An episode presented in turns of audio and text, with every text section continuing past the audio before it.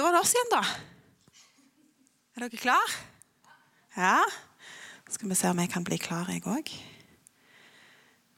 Mhm. Kan vi koble på hovedsal Se der.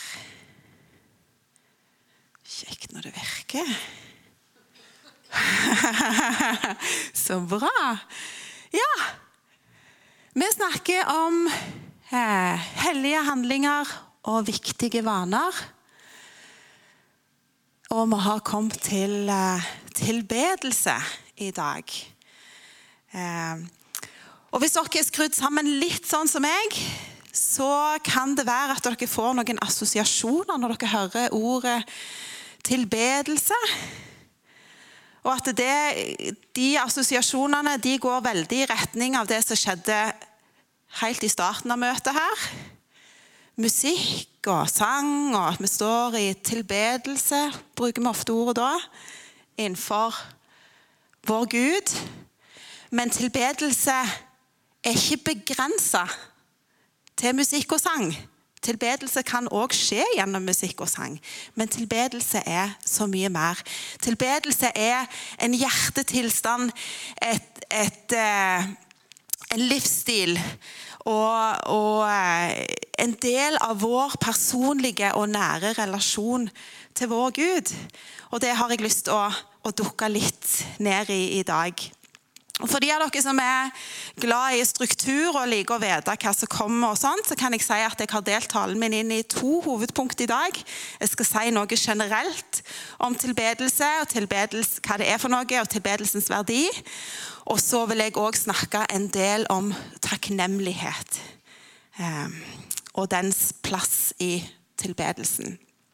Eh, yes, Men før vi hopper uti det, så ber vi en bønn i lag. Jeg takker deg, himmelske Far, for at du er her, og du er klar til å tale til hver enkelt en av oss. Jeg ber far om at du skal eh, la oss sitte med åpne ører og åpne hjerter og åpne sinn, eh, og, og, lytte til hva du har for hver enkelt av oss i dag. Eh, så ber jeg om at vi skal få lov til å vokse i vår relasjon til deg, Herre. Eh, I vår tillit til deg, i vår beundring av deg, i vår hengivenhet til deg, i vår fascinasjon av deg, Herre. Og at vi dag for dag skal få lov til å bli eh, Komme enda nærmere den tilbederen som du har skapt oss til å være, Herre. Amen. Yes. Skal vi se Tilbedelse, hva er det?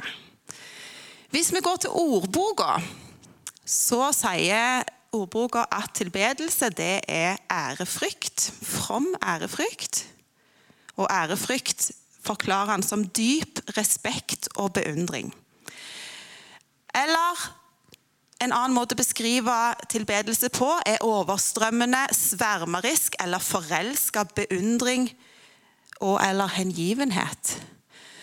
Så de hovedordene her, altså ærefrykt, beundring og hengivenhet. Og så kan vi også ta med respekt, tenker jeg.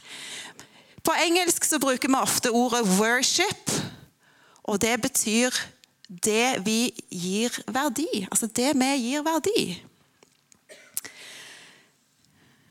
Så tilbedelse kan vi si er altså å eh, gi noe eller noen din fulle oppmerksomhet, og på den måten gi den eller det verdi. Så hva er det du gir din fulle oppmerksomhet og verdi i hverdagen? For vi gjør jo alle dette i hverdagen på et eller annet vis. Bevisst eller ubevisst. Er det jobben som får størst plass?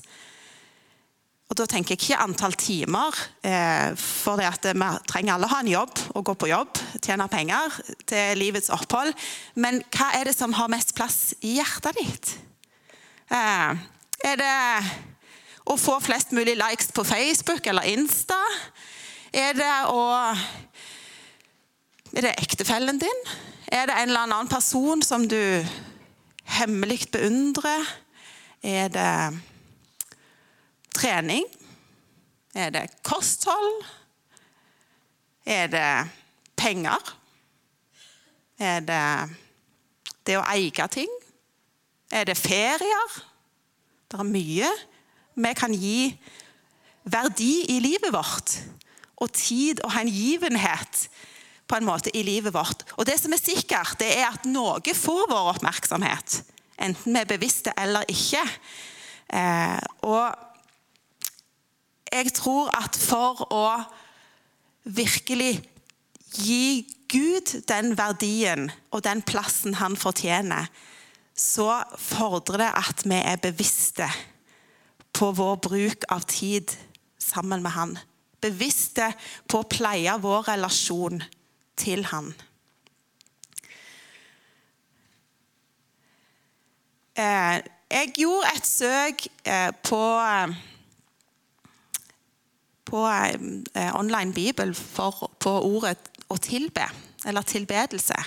Og Da kommer det veldig mange treff. Så Bibelen er opptatt av, av å tilbe.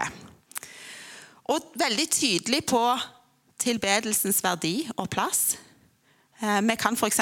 se i Matteus eh, kapittel 6 vers 33 at det står 'søk først Guds rike'. Setter, setter det veldig høyt. Fokuset og relasjonen til Gud. Jeg leste gjennom ikke alle sånn veldig nøye, men jeg leste gjennom veldig mange av disse bibelversene som kom opp, og opplevde at jeg kunne på en måte dele det inn i tre hovedområder.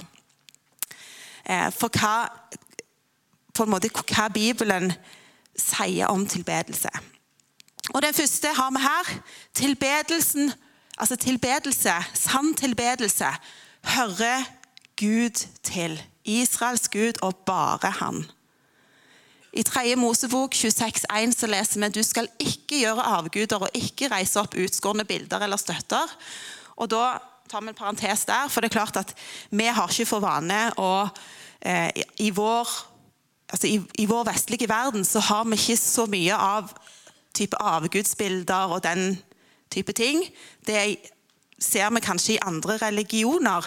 Men, men eh, allikevel, så som jeg nevnte, så er det veldig mange ting som kan ta vårt fokus, og som på en måte kan bli en erstatter for utskårne bilder eller støtter eller avgudsbilder. Sant? Så det gjelder oss òg. Parentes slutt. Og dere skal ikke sette opp steiner med bilder i deres land for å tilbe ved dem, for jeg er Herren deres Gud. Eller i første kongebok 1736. Men Herren som førte dere opp fra landet Egypt med stor kraft og med utstrakt arm, ham skal dere frykte, og ham skal dere ofre til. Eller han skal dere tilbe.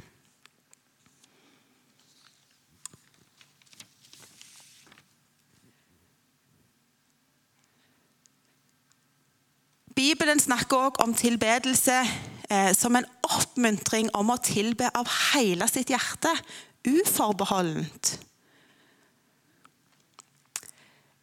Vi kjenner alle verset i Lukas kapittel 10. Du skal elske Herren din Gud av hele ditt hjerte, av hele din sjel, av all din kraft og av hele ditt sinn. Og vi kunne sagt du skal tilbe Herren din Gud. Sant? Og det er uendelig mange vers som sier noe om dette.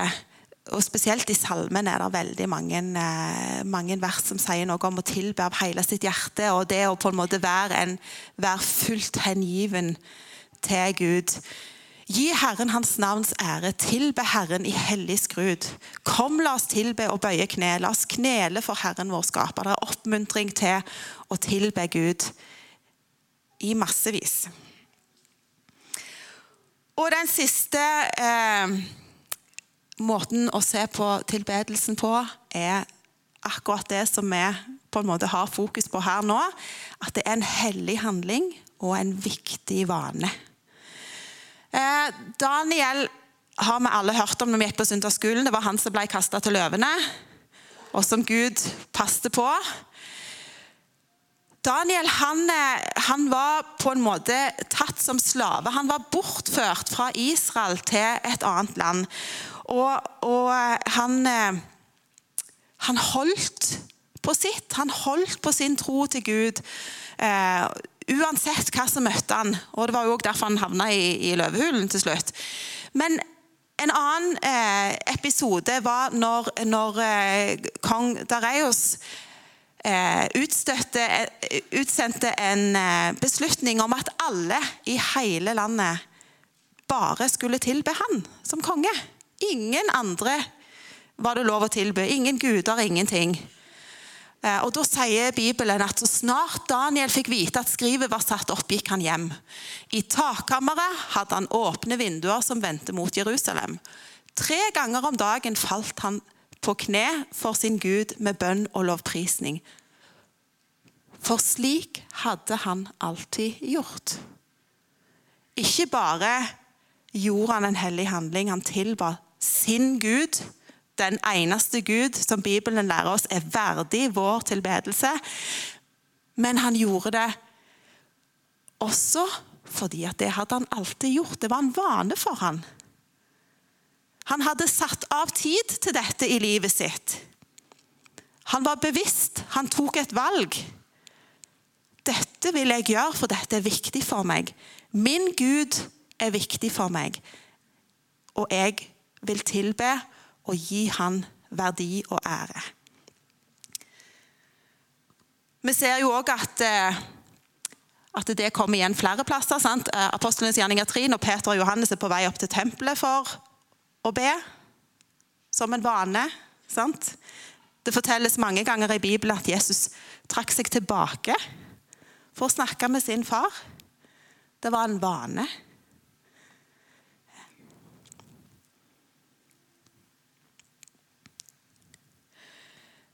Men som jeg sa før, så er det mye som vil ta vår oppmerksomhet.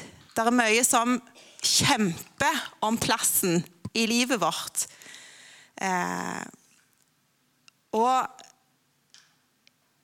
en, en, episode fra Bibelen som jeg tenker sier noe om viktigheten av, altså verdien av tilbedelse og kampen om tilbedelsen, er eh, i Lukas 4, når Jesus har blitt døpt. Da blir han ført ut i ørkenen for å bli frista. Han blir frista i 40 dager.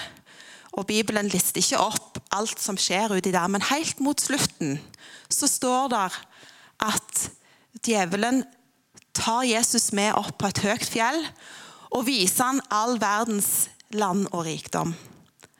Og så sier han til Jesus, 'Jeg har blitt gitt eh, herredømme over alt dette her. Jeg har blitt gitt makt over dette, og jeg kan gi det til hvem jeg vil.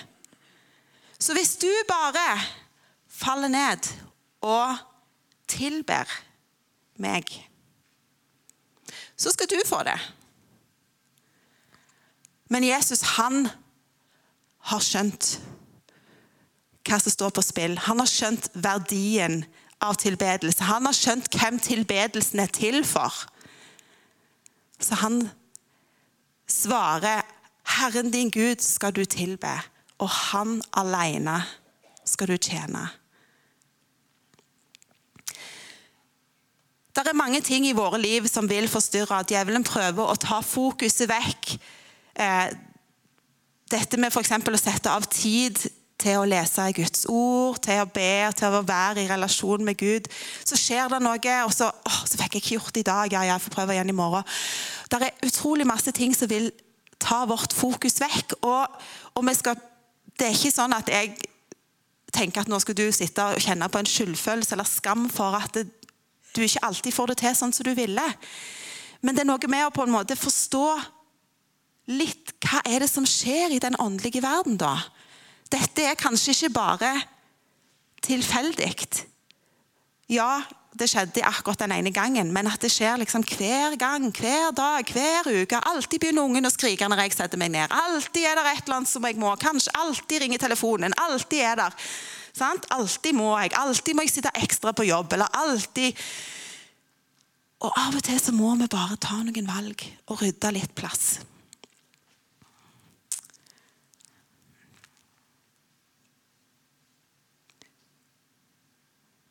Djevelen vet hva ekte tilbedelse gjør med oss. Og derfor så vil han ikke at vi skal ha den muligheten.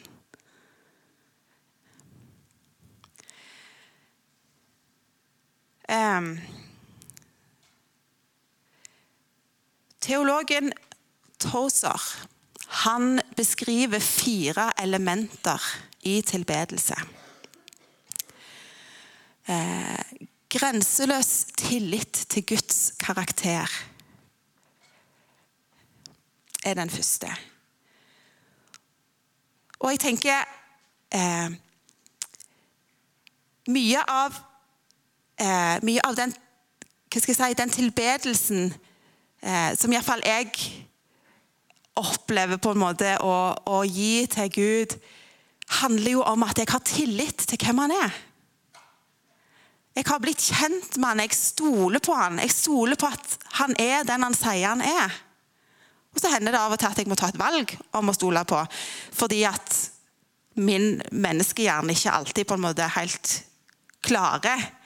Men allikevel så handler det om å kjenne, om å ha tillit til. Og han, han, han påpeker også at tillit er avgjørende for å kunne vise respekt. Um, uten tillit til en person, så klarer du ikke heller å vise ekte respekt. Og Hvis vi overfører det til vårt forhold til Gud, så er det sånn at hvis vi ikke har tillit til at han er den han sier han er, at han kan gjøre det han sier han kan gjøre, så klarer vi heller ikke å vise den respekten han fortjener når vi kommer innenfor han og skal tilbe han. Og da blir det ikke ekte. Da tar vi på oss ei maske, og det kan vi av og til gjøre. Fake it till you make it, hender det at vi sier. Men samtidig så er det sånn at da må vi, da må vi gjerne jobbe litt med oss sjøl og finne ut hva er det som gjør at jeg er her jeg er nå. Så kan jeg ta et valg. At jeg ikke alltid har en stappfull i følelser og kjenner at oh, nå bare elsker jeg å stå her. For det er ikke alltid at vi gjør det. Men vi kan ha tatt et, et grunnleggende valg om at jeg har tillit til deg, Gud. Og så trenger ikke alltid følelsene å være der. De kan være litt av og på. Men valget er der. Element nummer to i tilbedelse er beundring. Du kan respektere en person og ha tillit til en person, men ikke nødvendigvis beundre en person. Men Gud, når han skapte oss, så skapte han oss i sitt bilde. Eh, med evnen til å beundre og sette pris på Han som vår skaper. Og den beundringen gir seg ofte utslag i kjærlighet. Vi kjenner at vi elsker Gud for at han elsket oss først. En kjærlighet som bånder i takknemlighet for den han er, og for hans allmakt. Element nummer tre fascinasjon. Vi kan gjerne si om ting at å, det er så fascinerende. Så hva er det? Torsa han beskriver fascinasjon når det gjelder tilbedelse og, og vår tilbedelse av Gud, som dette. Det er å bli slått av overveldende undring over hans ufattelige allmakt og omfanget av hans prakt. Og jeg kjente når jeg, når jeg leste den, så måtte jeg, jeg måtte lese den mange ganger, for, han, for det, rom, det rommer så mye. Hva er det som fascinerer meg med Gud? Det er, det er så stort når en begynner å gå inn i det, at en, det er vanskelig å sette ord på. Men hvis en virkelig tillater seg å begynne å gå inn i det rommet og kjenne hva er det som fascinerer meg med Gud, så kjenner han at det, det tar tak igjen. Og det bare det drar en inn i et ønske om å bli enda bedre kjent med. Bygge enda sterkere tillit, og, og en får en enda sterkere beundring for hvem Gud er.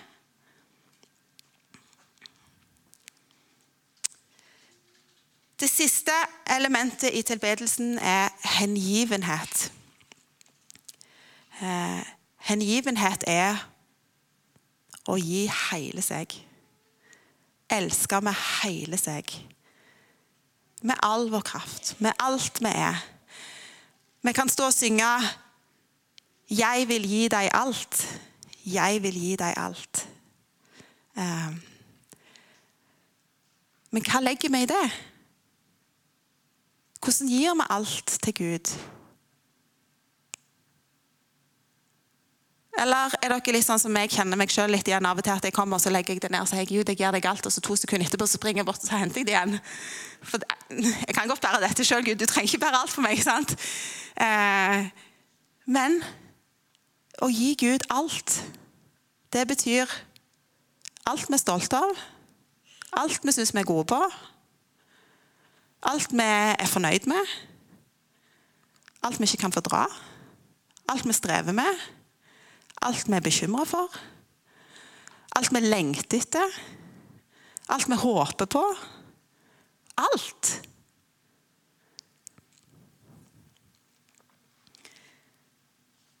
Så det er noe grenseløst over tilbedelse. Og en av de, en av de uh, historiene i, i, Bibelen som på en måte virkelig beskriver noe av det grenseløse i tilbedelsen, er, er den kvinnen som kom og salva Jesus før han skulle dø. I det samfunnet, mannsdominert samfunn, kom inn som kvinne med den bakgrunnen hun hadde, og satte seg ned med Jesu føtter og vaskte dem med sine tårer og tørka dem med håret sitt. Og brukte alt hun eide og hadde og salve føttene hans. Snakk om full hengivenhet og grenseløs tilbedelse. Det er store sko for oss å fylle.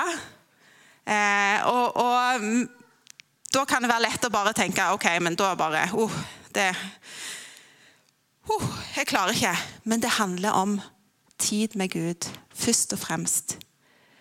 At du tar et valg. Om det er idet du går fra huset ditt og ut i bilen og skal kjøre til jobb, at du har tid til tre setninger med Gud. Supert. God start.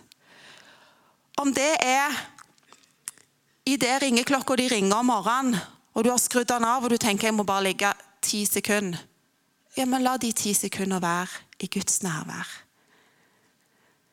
Eller om du har muligheten til å sette av et gitt tidspunkt en eller annen gang i løpet av dagen der du kan sette deg ned i en stol og bare ha tid alene med Gud. Vær i hans nærvær. Tilbe han for den han er. La han få lov til å tale. Flott. Finn din måte. Tid med Gud og i hans nærvær vil være med å forme oss til det som Johannes 4 snakker om, nemlig sanne tilbedere.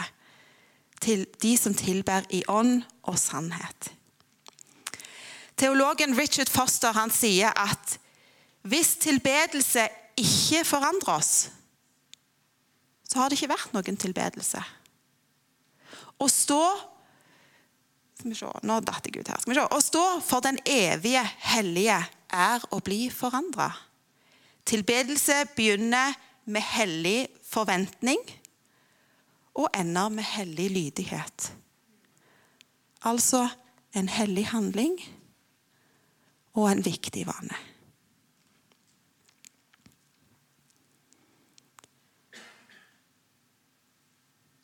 Da beveger vi oss inn i del to om takknemlighet. Det er ofte lett å komme til Gud og tilbe og, og prise Han og ære Han for den Han er, når ting går godt i livet. I alle fall så har jeg det sånn, Ikke sikkert dere kjenner på det, men jeg kjenner på det. Så jeg får være ærlig med meg sjøl. Jeg syns av og til at det er litt vanskelig. Når livet er trått, og når, når, det slår deg midt i trynet, så er liksom ikke det første jeg tenker på å springe til Gud og si 'takk, Gud'. Da er jeg litt mer sånn Sant? Ja Det ser ikke ut som dere har det sånn, men OK, jeg har det sånn. Um, og, og utfordringen er på en måte hvordan kan jeg da ha fokus på å tilbe, og gjennom de sesongene i livet. Eh, og for meg personlig så opplever jeg at grunntone, en av grunntonene i tilbedelsen for meg er takknemlighet.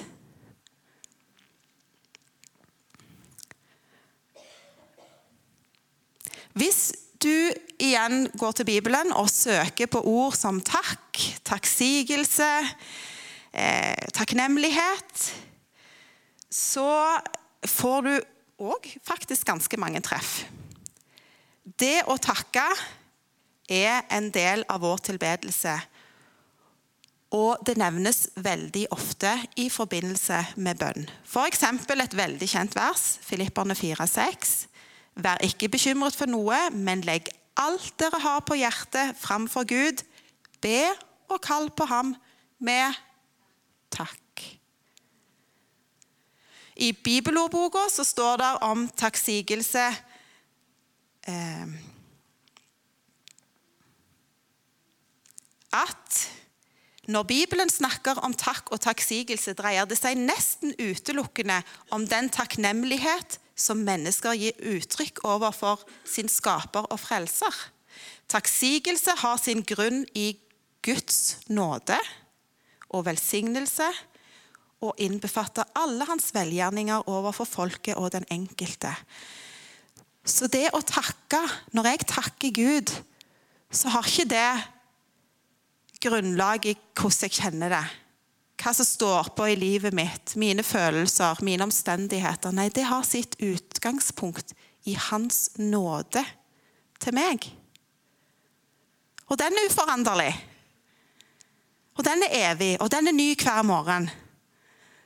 Så da har jeg alltid noe å takke for. Og Jeg syns det er betegnende at eh, det greske ordet for nåde, charis, òg kan bety takk. I f.eks. Romane kapittel 6 vers 17 eh, så er det ordet brukt som takk. Eh, og det er flere andre plasser i, i Bibelen òg. Og charis inngår òg i ord som beskriver å takke og takksigelse. Og Ifølge bibelordboka så er det de som har opplevd Guds nåde, som virkelig på rett måte kan bringe sin takksigelse og takknemlighet til Gud. Og Guds nåde den er åpen for oss alle.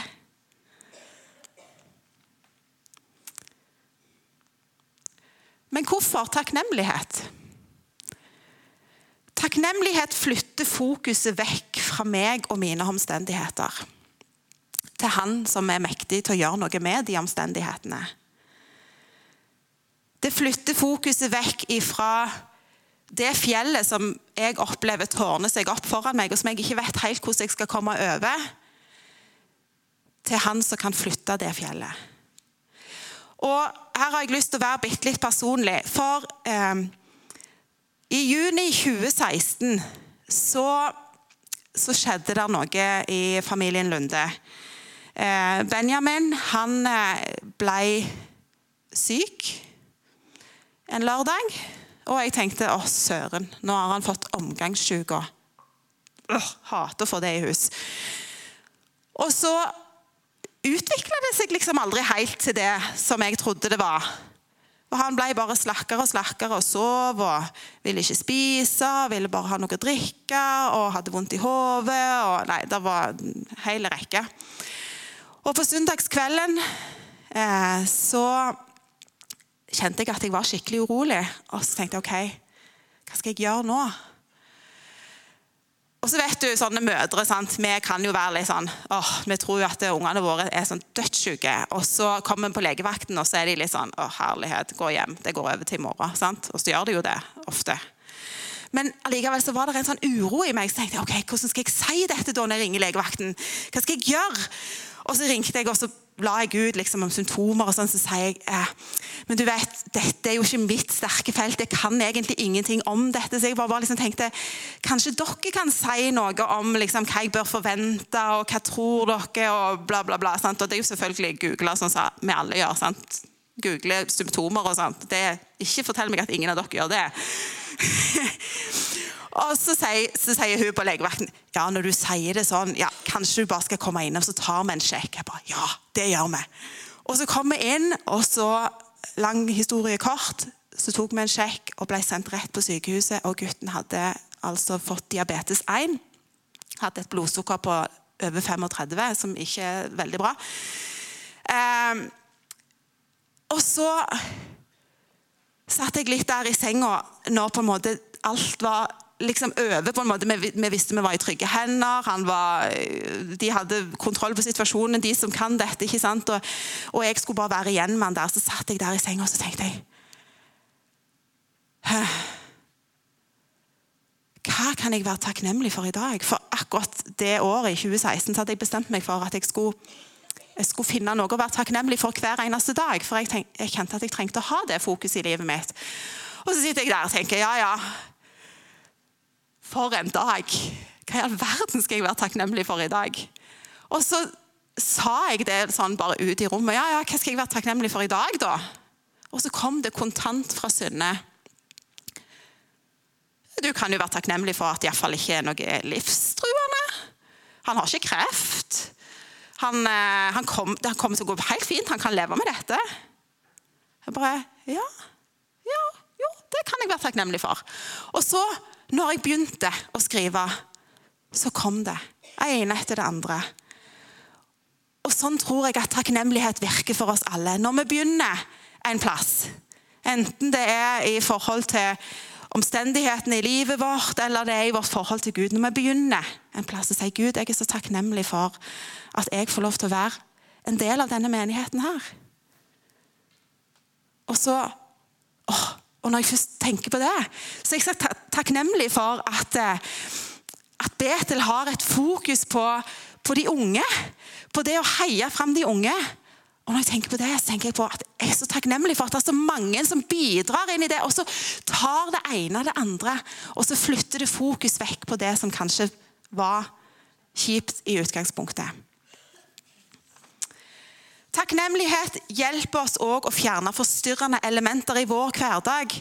Eh, og på den måten så hjelper å ta imot Guds fred. Når vi flytter fokuset fra det som foregår rundt oss, til Han som kan gjøre noe med det, så kan vi òg kjenne på den tilliten til at Han er mektig. Og det gir oss en fred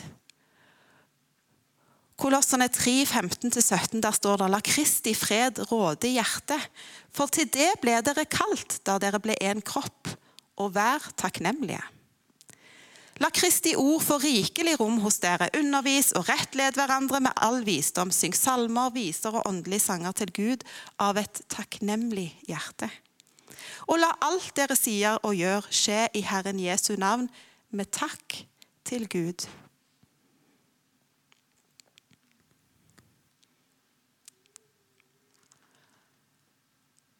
Hva gjør takknemligheten?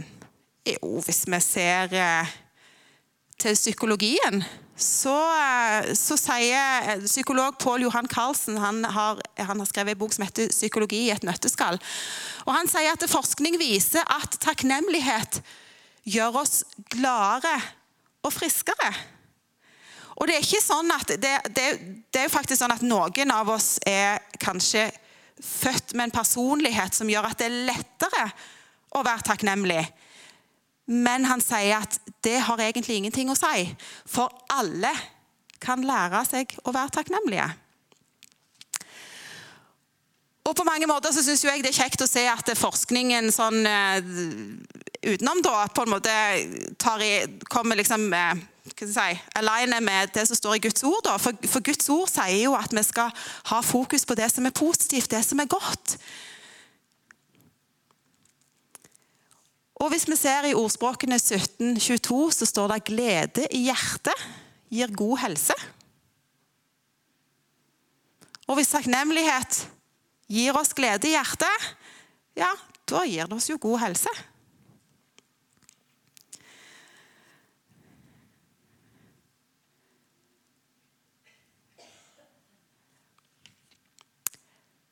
Her var det mye tekst. Um, når jeg satt og forberedte meg, så kjente jeg at jeg prøvde å oppsummere litt av det jeg, hadde sagt, altså det jeg har nå sagt om tilbedelse, og det jeg har sagt om takknemlighet. Eh, og så tenkte jeg at ja, jeg kan lese det opp for dere og si det til dere, men det er noe med Jeg jobber jo, som, jobber jo i skole, vet du, så det er noe med både å se og høre for da får vi det mer med oss. Og Noen er visuelle, og noen er auditive. Så Derfor så fikk dere all denne teksten i tillegg. For jeg tror at som troende så har jeg uendelig mye å være takknemlig for. Og Om jeg tar den takknemligheten med meg inn i min tilbedelse og personlig relasjon med Gud, så vil mitt fokus skifte fra hva jeg er og har, eller eventuelt ikke er og har, eh, eh, til hvem han er og alt han har gjort for meg. Og tilbedelsen kan springe ut av grenseløs tillit til han. Sann beundring av hans kjærlighet og godhet mot meg, og en fascinasjon av hans storhet. Og så resulterer det i full hengivenhet til han.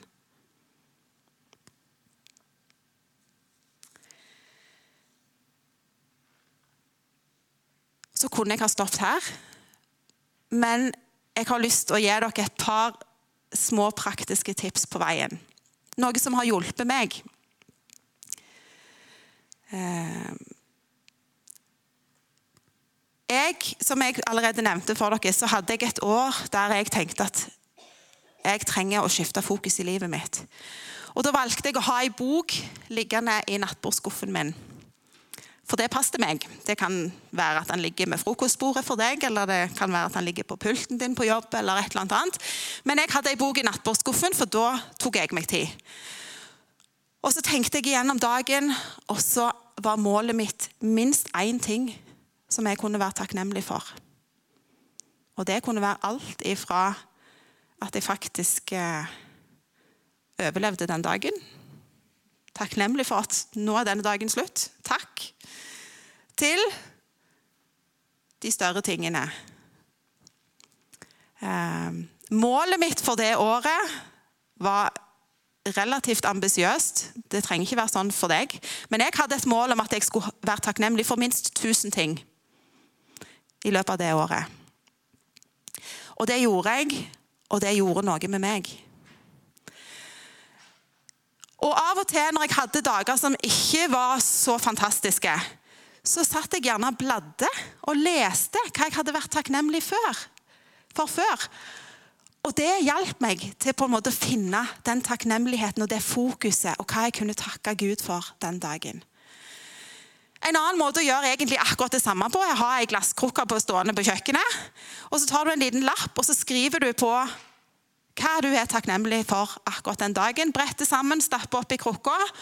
Og så står den der som en sånn mannakrukke til deg til de dagene du kjenner at livet bare er helt åh, ja, vet ikke helt, Hva i all verden skal jeg takke for i dag, da? Trekk deg en lapp, da. Og minn deg sjøl på hva du har vært takknemlig for før, og som du òg kan være takknemlig for igjen. Jeg tror òg at eh, i vårt personlige bønneliv, i vår personlige relasjon med Gud eh, Øv deg på å fortelle han hva du er takknemlig for. Eh, jeg husker på et tidspunkt at jeg var veldig sånn rett inn i Å, Gud! Å, Gud, nå trenger jeg. Å, Gud, vær så snill, kan du bare Og så tenkte jeg nei, jeg har lyst til å møte når jeg går inn i mitt lønnkammer, når jeg har min bønnestund med Gud, så har jeg lyst til å møte Gud på en annen måte. Og da øvde jeg meg på å si takk til Gud for ulike ting. Um, av og til var det én ting, av og til var det hele bønnestunder. Men øv deg på å fortelle Gud hva er det du er takknemlig for med Han, og med det Han har gjort for deg. Og så tenker jeg at det kan få lov til å smitte ut i vår hverdag. Og da syns jeg at din hverdagshistorie, Anne-Britt, var fantastisk. Hva med å fortelle de rundt deg hva du er takknemlig for med de? At du er takknemlig for at de er der i livet sammen med deg. At du er takknemlig for at Knut tar ut søpla. At jeg er takknemlig for at eh, Tore han fikser alt som har med data å gjøre, for det, det, er ikke jeg spesielt god på. Jeg er takknemlig for at jeg har en gutt som gidder å støvsuge huset mitt en gang i uka. Fantastisk. Jeg er takknemlig for at jeg har en mor og far som elsker meg, og som forteller meg det ofte. Og jeg trenger, å, jeg trenger å si det til dem. Jeg er takknemlig for dere. Jeg er takknemlig for at jeg har en menighet som dere, som jeg får lov å være en del av. Og som jeg får lov til å kjenne at jeg hører til i. Så utrolig takknemlig for hver og en av dere her på Betel som gjør dette til et hjem for meg. Og det tror jeg er viktig at vi forteller hverandre. Praktiske øvelser i hverdagen. Gud han ønsker ikke bare tilbedelse. Han ønsker òg sanne tilbedere.